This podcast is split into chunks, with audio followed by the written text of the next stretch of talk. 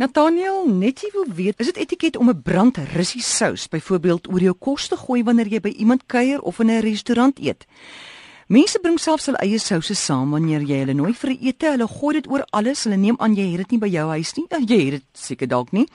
Selfs oor boerekos, so skaapbout en stowe bone. En dan sit en snyf hulle aan tafel om dat die goed brand en almal moet daarna luister. Ek weet nie regtig waar dit vandaan kom nie. Ons noem dit gewoonlik die oningebreekte palet. Iewers het mense iewers 'n smaakie ontdek. Dit is mense wat daai geel chemiese sout oor alles gooi. Ek het goeie vriende, opgevoede mense, wie se twee kinders tomaties sous oor alles gooi. En die mense dink dit is baie snaaks en dat hulle maar net toe. Dit is eerstens 'n belediging vir die chef en 'n belediging vir die gasvrou. As jou kookkuns van so 'n aard is dat jy self alles moet toegooi onder 'n sous, verstaan ek dit. Maar by ander mense se huise is dit ontoelaatbaar. Daar is sulke situasies soos as jy net jou beste vriendin se man is nou man, jy weet nie klaar gemaak met die evolusie nie.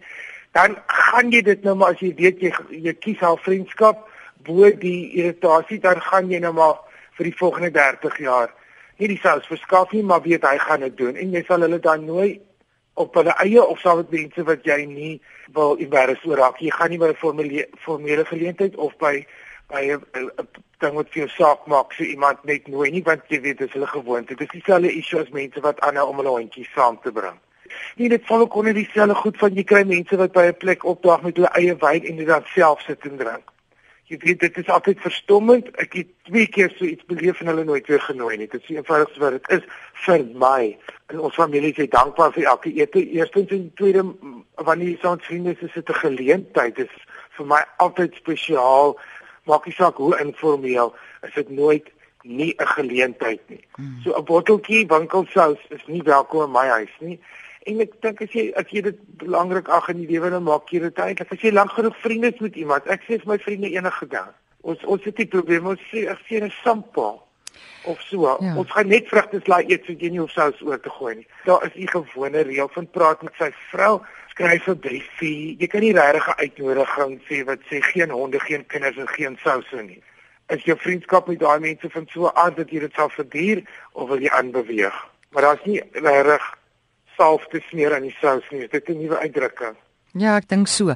Hoorie, wat van ons mense met rou russies reis? Hulle sny net vir hulle so 'n paar stukkies op 'n baie subtiele manier af van daai rou russie, sit dit in die bord en eet dit saam met die kos ek kan vir mense sê dit is weens mediese kwale. Ek verstaan glad nie wat is die purpose van 'n rou rus, behalwe dat jy niks kan proe vir die res van die dag nie. Sien jy 'n griep wil wegjaag of iets jy wil doen. Ek weet daar is in sulke kosse en so, maar dit bly vir my aardig. Dit dan moet hmm. jy mos 'n sakkie met knoffel ook by. En dalk 'n eie in jou kabiel. En so as jy nou eers daai pad begin loop, dan moet jy doen sulke goed binne familie konteks en persoonlike konteks en jou twee beste pelle. Wat vir jou sê, hoorie sou wil jy in jou rusie oorkom, ons eet 7 uur. Sybrand Harris van Pretoria wil weet, hy sê hy sien gedurig mense sigaretstompies op grasperke, sypaadjies, strate, blombeddings en potte gooi.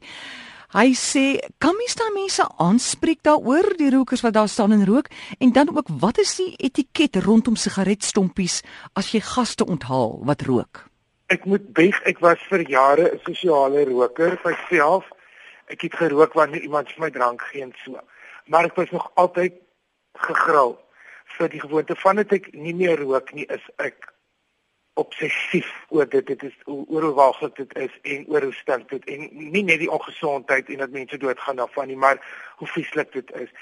En ek het nooit besef totdat ek agtergekom het ek het iemand wat baie keer jy weet saam met my travel en ek het ander vriende wat as hulle op 'n vliegtuig klim hulle moet 'n slaappil drink Dan sê ek maar kom ons kyk hierdie fliek en hulle gaan nou na die skool speel. Maar hulle moet slaap tot ek besef het dis oor hulle nie hierdie vlug kan oorleef sonder 'n sigaret nie. Ons ons besef nie hoe erg is die verslawing van sekere mense nie, nie almal wat rook nie. Daar's baie mense wat rokers is wat bedagsaam is en wat 'n bietjie rook nou wanneer hulle lus is vir 'n sigaret en dit kan los. Maar 'n groot deel is desperaat, is diep verslaaf en as gevolg enige vorm van 'n verslawing rook bly 'n verslawing enige vorm van 'n verslawing dit is soos mense wat hulle eie kinders se klere sou verkoop om dwelms in die hande te kry jy gaan reëls verontagsaam om hierdie monster te voer wat in jou is.